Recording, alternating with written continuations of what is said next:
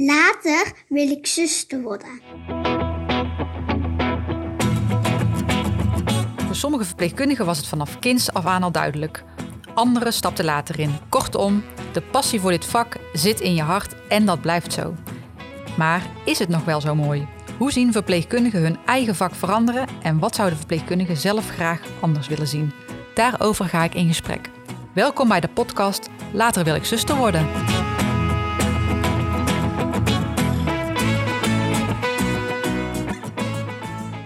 Welkom bij een nieuwe podcast. Ik ben Sabine en vandaag zit tegenover mij Jari. Ja, hoi. Dankjewel Sabine voor de uitnodiging. Ja, zoals je al zegt, mijn naam is Jari. Ik ben uh, werkzaam op de NPU. Hoofdstation is hier in Noord, maar uh, we doen ook uh, samen met Zuidwerken. Ik ben intern opgeleid, zowel mijn HBO als mijn MBO-opleiding. Dus ja, lang hier in het ziekenhuis. Sinds 2012 loop ik hier rond. Leuk. Hey, en MPU? even voor de luisteraar die geen idee heeft wat je dan bedoelt. Ja, de NPU staat voor Medisch Psychiatrische Unit. Het is uh, ja, voor de mensen die het niet weten, noem ik maar even de, de nieuwe PAAS. De paasafdeling, uh, die kent iedereen wel binnen het ziekenhuis. Het verschil is met name voorheen, hè, de paas was puur psychiatrie. Als er iets qua lichamelijk of somatiek bij kwam, dan moesten ze vaak aan de andere afdelingen. En nu proberen we toch te kijken of we het gewoon op de afdeling zelf kunnen houden. Dus we hebben vaak de combinatie van psychiatrie en somatische problemen bij elkaar. Dus dat is een hele interessante uitdaging. Ja, dat, is, dat klinkt inderdaad alsof je een beetje van alle markten thuis moet zijn, zeg maar. Ja, zeker. Ja, ja, tot op zekere hoogte wel. Uh, we hebben natuurlijk allemaal onze eigen kwaliteiten. En dat vind ik dan ook het fijne, de samenwerking binnen het ziekenhuis. Als we iets niet weten, dan uh, kunnen we hopelijk altijd naar andere afdelingen. En ik hoop dat het andersom ook uh, zo is. Maar ja, we hebben ook we moeder-kindopnames, tot neurologische opnames, tot hartpatiënten, tot nierproblemen. We hebben van alles wat. Dus ja, de algemene kennis moet bij iedereen wel redelijk paraat zijn. En als je het niet paraat is, moet je in ieder geval weten waar je bepaalde dingen kan kan opzoeken. Ja, ja. Hey, wij hebben elkaar leren kennen toen, uh, toen ik bij jullie op de koffie kwam. En dat was eigenlijk in mijn rol uh, voor, het, uh, voor het stafbestuur. We hadden het met elkaar over hoe, hoe moeten we elkaar een beetje meer verenigen. En wat mij meteen opviel in jullie koffiekamer was jullie cultuur. Ja. Um, en jij inspireerde mij daar eigenlijk heel erg in. Want jij wist eigenlijk heel duidelijk uit te leggen hoe dat, hoe dat zat. Dus ik heb jou later gevraagd, hey Jari, laten we hier eens een podcast over maken. Um, kun jij een beetje vertellen um, hoe dingen gaan op de NPU als team? Ja, dat denk ik wel. Uh, zoals ik al zei, ik ben intern opgeleid, uh, zowel MBO als HBO. Ik heb tijdens mijn opleiding ongeveer acht afdelingen gehad.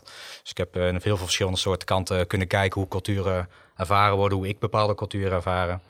En uh, als ik kijk naar de NPU, uh, is het een hele open karakter. Uh, zoals je misschien tijdens de koffiepauze hebt gezien. Wij willen als één team samen zijn. Dus zowel artsassistenten, co-assistenten, psychiaters nodig ook altijd voor onze koffiepauze. Ons kantoor is ook ingericht dat wij samen met de artsassistenten op een kantoor zitten. Dus de lijntjes zijn ook heel kort. Dus als wij met vragen zitten, kunnen de arts toe, maar ook andersom. En daardoor merk ik ook dat bepaalde vraagstukken, moeilijke vraagstukken, ook veel eerder getackeld kunnen worden. Dan dat we het bijvoorbeeld moeten tot aan een overlegmoment.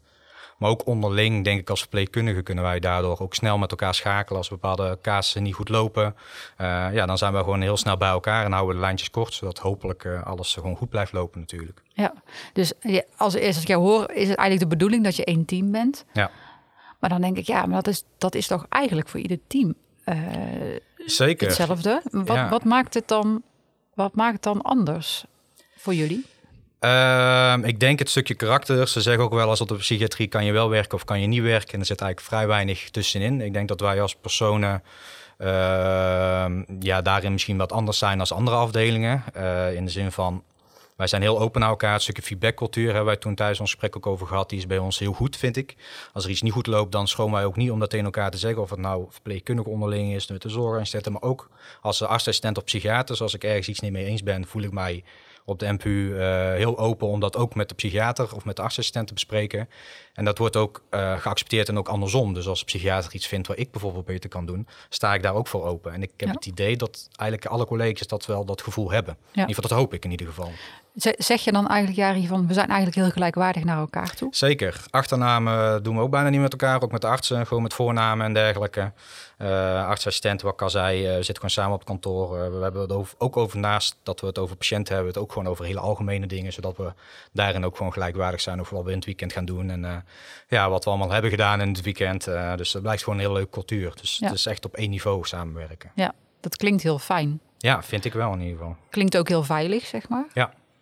Ja, ja vooral wat je net zegt, het, woordje veilig, dat is, uh, ervaar ik heel erg op de MPU. Uh, zowel hier aan de Noord als op Zuid. We zijn nu ook bezig met de uitwisseling, dus iedere collega heeft ook aan het Elisabeth gewerkt en ook andersom. Het is gewoon een heel veilig klimaat. Je kan alles zeggen, alles is goed. Uh, als je ergens twijfels over hebt, zeg het vooral. want ik zeg ook altijd, we kunnen geen gedachten lezen. Dus het is gewoon heel belangrijk dat we naar elkaar blijven uitspreken wat we denken, wat we voelen, waar we tegenaan lopen. Want als we dat niet doen, dan loop je er alleen maar mee en dan kan je alleen maar jezelf daarin benadelen. Of de patiëntenzorg misschien wel indirect ook, als je met bepaalde dingen blijft zitten. Ja, hey, en, en hoe, hoe doe je dat, zeg maar? Ja, hoe doe je dat? Wij proberen eigenlijk gewoon bij, zowel bij nieuwe collega's als bij uh, leerlingen daaraan vanaf het begin af aan al heel duidelijk in te zijn van zeg alsjeblieft wat, in je, wat er in je omgaat. Als je ergens tegenaan loopt, maak het ook bespreekbaar. Stel dat ik bijvoorbeeld bij een collega merk van hé, hey, ik heb het idee dat je ergens tegenaan loopt, dan zeg ik dat ook. Een tijdje terug was er met een bepaalde collega, had ik samen een dienst en ik merkte dat ze een beetje een tegenoverdracht zat bij een bepaalde patiënt. Dan spreek ik ook diegene aan van, hey, klopt het wat ik zie? Vraag ik een beetje om bevestiging. En toen gaf ze inderdaad aan, ja, nou, dat klopt wel. Nou, dan probeer je daar gewoon samen een mooie tussenweg in te zoeken, dat het niet ten nadele gaat van de patiëntenzorg en dat iedere collega zich daar gewoon prettig bij voelt bij de zorg die je verleent. Ja, dus eigenlijk als, als collega, professional, eigenlijk als mens, zeg maar, probeer je wel je bent heel open, je observeert heel goed. Dat hoor ik jou zeggen. En betekent dan ook dat je als team daar echt tijd voor maakt om hier naar zo'n cultuur te bouwen? Is het iets waar je actief mee bezig bent? Zeker. Uh, ja, ik weet niet zo goed hoe het op andere afdelingen zat, maar we hebben het al een keer over gehad. Wij hebben sowieso maandelijks intervisiemomenten. Zowel waar de assistent, psychiaters, zorgassistenten, noem het erop. Ieder onderdeel van het team mag daarbij aanwezig zijn.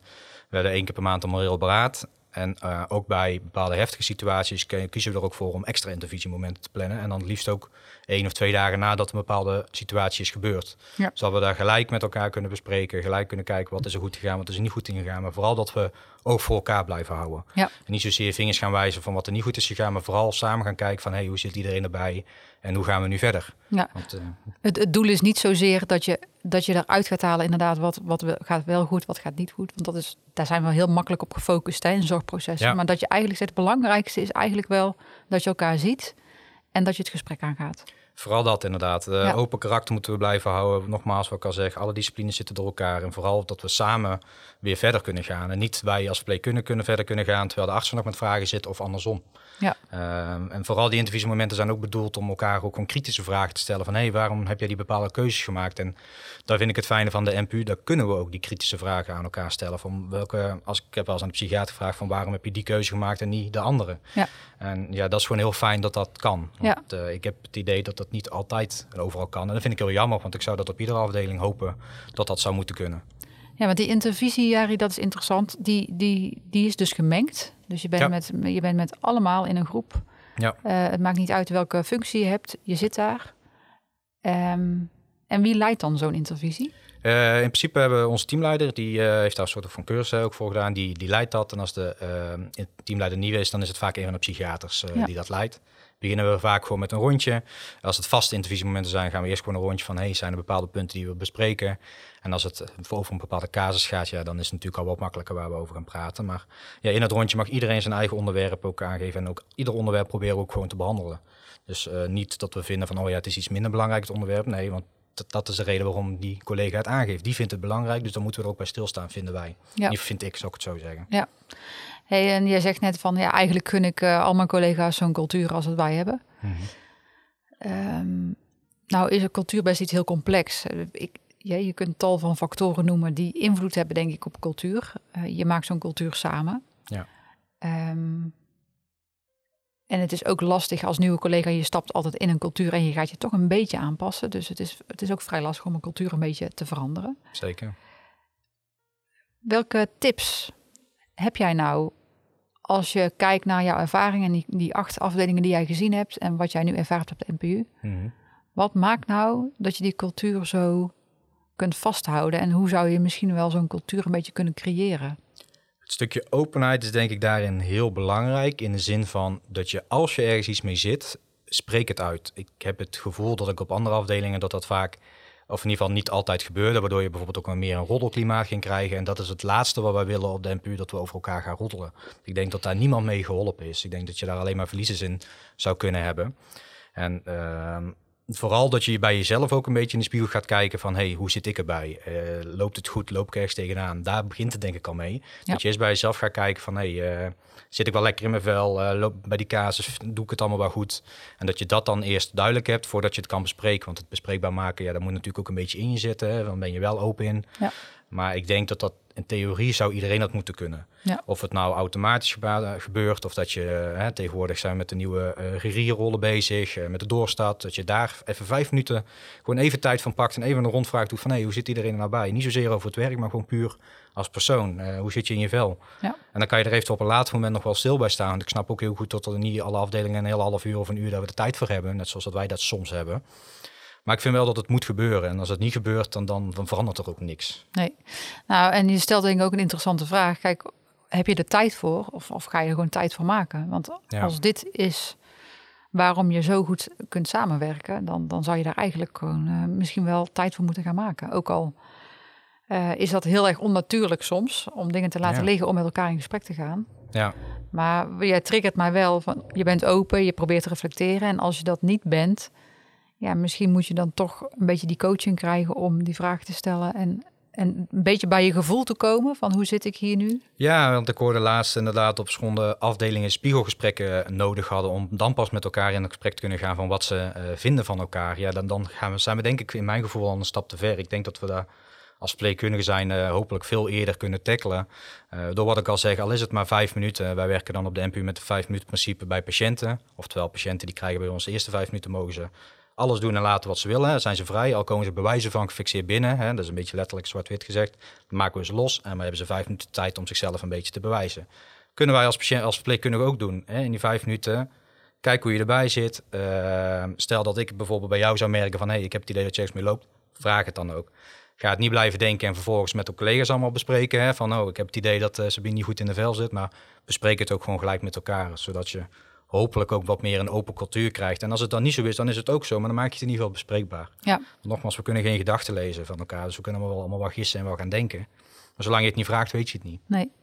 Ja, dit klinkt bijna als iets heel logisch en menselijk, zeg maar, maar uh, toch, toch is het ook lastig. Ja. Die vijf minuten, wat, wat is dat, wat, wat zit daarachter? Zit daar een bepaalde theorie achter? Is er een bepaald doel wat je dan nastreeft? Ja, er is vanuit, uh, vanuit eerdere, uh, ja, in ieder geval voor mijn tijd, uh, werkt dat principe al. ik weet dat ze nu binnen het ziekenhuis die vijf minuten principe ook al aan het aanhalen zijn. Tijds geleden was er een VIP-lunch, toen werd het ook al gezegd. En er is inderdaad ook een onderzoek naar gedaan, ook vanuit de GGZ werken ze ermee. En het effect wat ik persoonlijk merk is dat bijvoorbeeld mensen, wat ik al zei, die gefixeerd of agressief binnen kunnen komen bij ons, daardoor niet meer nodig zijn. Doordat ze weer open worden ontvangen. Ze mogen bij ons rondlopen. Ja, dat is dan het voordeel dat onze afdeling daar ook wel op gemaakt is. Hè. We hebben onze binnentuinen waar je nog mogen roken, maar dat gaat natuurlijk ook allemaal, uh, allemaal weg. Uh. Maar dat is bij ons wel heel belangrijk, stukje open cultuur. Want wij hebben natuurlijk hele andere soorten heftige kaas in de zin van meer psychiatrische patiënten. Wij horen bewijs van iedere dag heftige verhalen en die moet je dan toch ook wel kunnen filteren. En wij hopen dan ook door die vijf minuten, doordat we de patiënten zo vrij laten, dat ze die verhalen ook richting ons kunnen filteren. Dat wij uh, een beetje een idee krijgen van wat er in een patiënt omgaat, zodat we daar hopelijk uh, gelijk op kunnen inspelen. Ja, eigenlijk als ik jou zo hoor, vijf minuten om die openheid te creëren, om eigenlijk die ruimte te geven, ja. om weer een beetje bij jezelf te komen. Zowel voor die patiënt, maar misschien ook als jou, voor jou als professional. En dat je elkaar eigenlijk een beetje als mens ontmoet. Zeker, gelijkwaardig. Ja, dan komen we weer op gelijkwaardig. Ja. Dat geldt ook voor de patiënt. Ja. Uh, ja, natuurlijk, ik vraag altijd hoe wel de patiënt aangesproken worden. Maar in principe verwacht ik gewoon, hè, bij wijze van de elkaar met de voornaam lekker aan gaan spreken. Ja. Natuurlijk, als iemand mevrouw ook moet, doen we dat ook. Maar ik merk op de NPU dat we veel vaker elkaar op voornaam aanspreken. Dat we proberen daarin gelijkwaardig te zijn. En iedere collega heeft daar zijn eigen manier bij voor mezelf, ik merk altijd, en dat krijg ik ook te horen, ik ga op één knie zitten in de zin van, ik stel, me, stel dat iemand aan tafel zit, probeer ik op dezelfde hoogte praten als een patiënt. Dus als een patiënt in bed ligt, kom ik erbij zitten in plaats van dat ik erbij kom staan. Zodat we op gelijkwaardige en dat ik niet vanuit bovenaf bijvoorbeeld neerkijk op een patiënt als het laatste wat ik wil. En of het dan ook zoiets is of een gevoelskwestie is, ik heb het idee dat ik daar zelf ook al meer in win in de behandelrelatie met patiënten dat we gewoon op één hoogte zitten. En dat ze daardoor hopelijk wat meer open kunnen praten over wat ze voelen. In plaats van dat ze het gevoel hebben dat ik op hun neerkijk, letterlijk, omdat ik boven ze sta of langs in bed sta. Ja. Eigenlijk is het heel interessant, want we zeggen steeds tegen elkaar: ja, we moeten professioneel zijn, we moeten in onze rol blijven. Ja. Aan de andere kant hoor ik jou zeggen: ja, als je jezelf niet als mens een beetje kwetsbaar opstelt en een beetje die gelijkwaardigheid opzoekt, is de kans dat je connectie met die patiënt hebt, ja. of die andere persoon dus, Ja, misschien wel een stuk kleiner. Ja, en dat is natuurlijk ook een beetje een gevoelskwestie. Ik probeer het ook altijd wel aan te voelen bij patiënten. Wat kan wel en wat kan niet. Maar uh, ik zeg wat tegen patiënten als je van een half uurtje tegen mij wil schelden. Hey, ga je gang, doe ik met je mee. Bewijzen van. Ja. Uh, tijdje terug hadden we een patiënt die flink helemaal opgeladen was. En die, die, ja, die rookte dan. Ik zeg, uh, het sigaretje van mij, gaan we samen een sigaretje roken. Allemaal van die kleine dingetjes. Maar dan probeer ik ze gewoon op één lijn te houden. Het is niet, natuurlijk, ik ben zorgverlener, moet professioneel blijven. Maar ik wil ze vooral het idee geven dat ze gehoord voelen. En niet dat ik als verpleegkundige met mijn vingertje ga wijzen van nee, dat is niet goed, je moet het zo doen. Ja. Uh, of je moet dat tabletje nemen. Natuurlijk, dat is een onderdeel van de behandeling. Daarvoor zijn ze ook hier in een ziekenhuis. Uh, maar dat is niet alleen. De, Nee. Je kan veel meer halen uh, door een stukje gespreksvoering. Wat wij bijvoorbeeld hier nou wel doen door erover te praten. En Ja. hoop ik dat we daar al heel veel mee kunnen winnen. Zowel in de zorgverlening, maar ook om, als collega's onderling, als andere afdelingen onderling. Ja. Eigenlijk probeer je die ander ook ehm, ja, in, in zijn waarde te laten, zeg maar. Hè? Zeker, dat is het belangrijkste, vind ik persoonlijk Ja. in ieder geval. Ja. Ja. Nou, als je je probeert in te voelen van hoe zou ik zelf Ja. benaderd willen worden, dan, dan hoop je dat iemand ziet wie je bent. En niet eh, waarom dat je, eh, ja, met je met, met je ziekte of met net welk probleem je dan op dat moment hebt.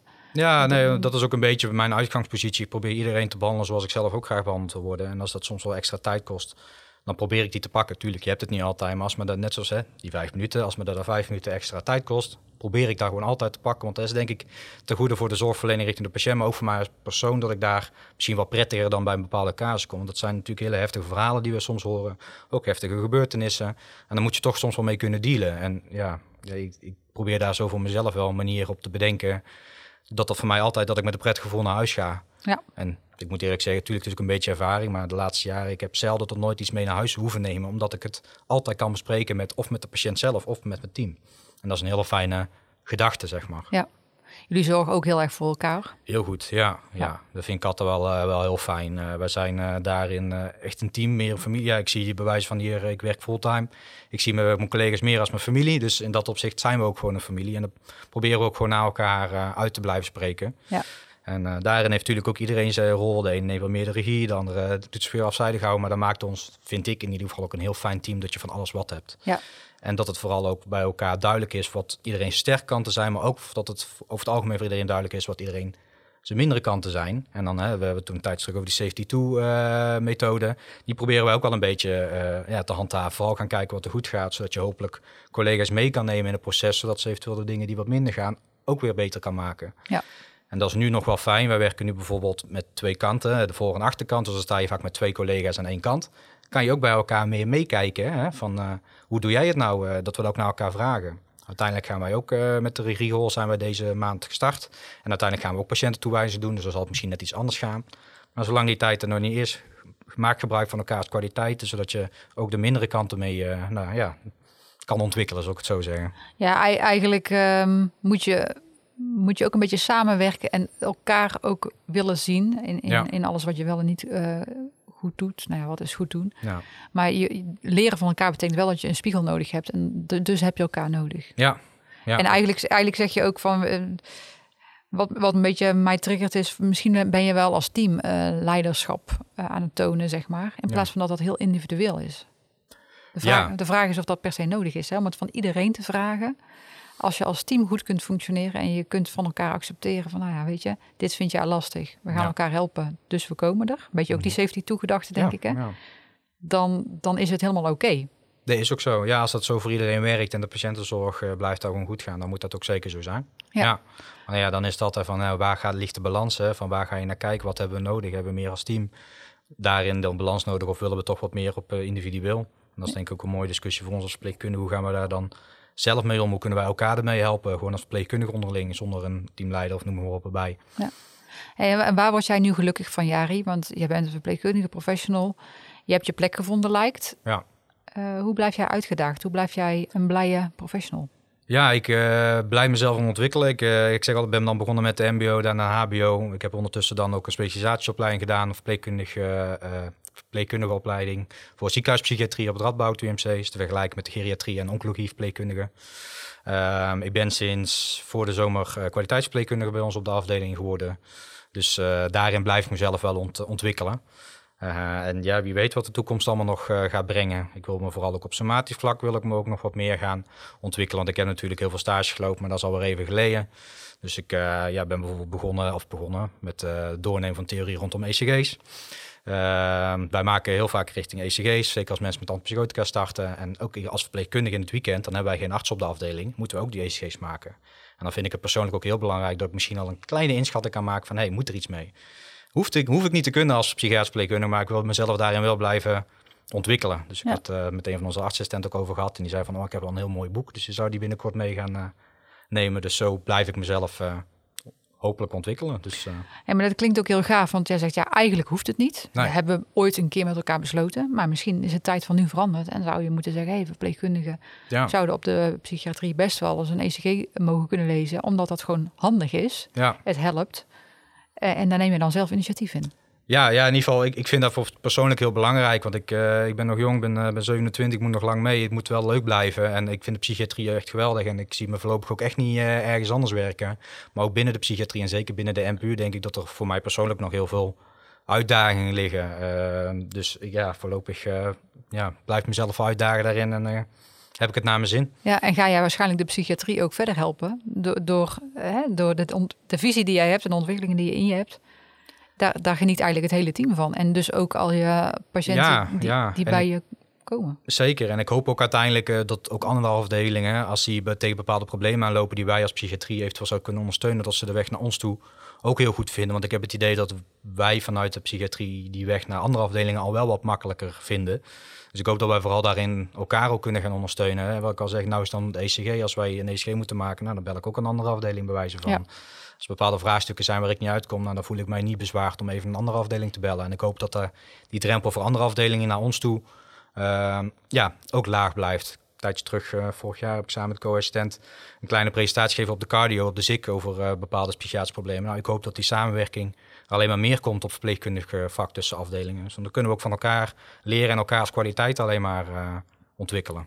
Dus een beetje die muren laten vervagen. Zeker, ja. Een beetje meer samenwerken. En jij zegt eigenlijk ook wel, je moet ook jezelf daarin eens een keertje laten zien. Ja. Om, om die relatie een beetje op te gaan bouwen. Ja, wees daarin niet bang om ook bij elkaar aan te geven van waar je even tegenaan loopt. Uh, ik zeg al, toen met de cardiologie liepen ze dan bij een bepaalde patiënt tegenaan met bepaalde gedrag. Nou, toen heb ik uitleg gegeven over een crisissignaleringsplan, hè, waar je in fases kan zien als iemand in een wat meer onrustige fase komt, wat wij als kunnen doen. Daar maken we heel veel gebruik mee. Uh, en daar ben ik dan gaan uitleg gaan geven. En ik hoop dat andere afdelingen ook blijven doen. Van hey, als ze ergens tegenaan lopen, schroom niet om gewoon even te informeren of bewijs van een van onze collega's even langs kan lopen. En vijf minuten kom ik weer op. Een hele korte uitleg, een hele korte door elkaar kunnen zien, door elkaar kunnen helpen. Ja. Zodat we er allemaal van kunnen profiteren. Want we zijn natuurlijk één ziekenhuis, we zijn allemaal verpleegkundigen. Uh, we moeten het allemaal samen doen. En natuurlijk, de ene patiënt wordt op die afdeling en de andere op de ander.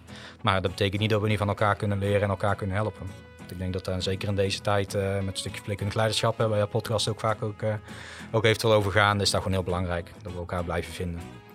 Eigenlijk elkaar opzoeken. Zeker, ja. En ook geloven dat je het samen kan doen, zeg maar. Ja, ja. Super, Jari. Hey, ik vond dit een hele inspirerende podcast weer. Ik wil jou hartelijk bedanken. Ja, ja ook bedankt voor de, voor de uitnodiging. En ik uh, ja, hoop dat andere mensen, vooral verpleegkundigen in dit geval, uh, er ook iets aan hebben. Ja, dus, uh, daar gaan we voor. Ja, zeker. Tot de volgende.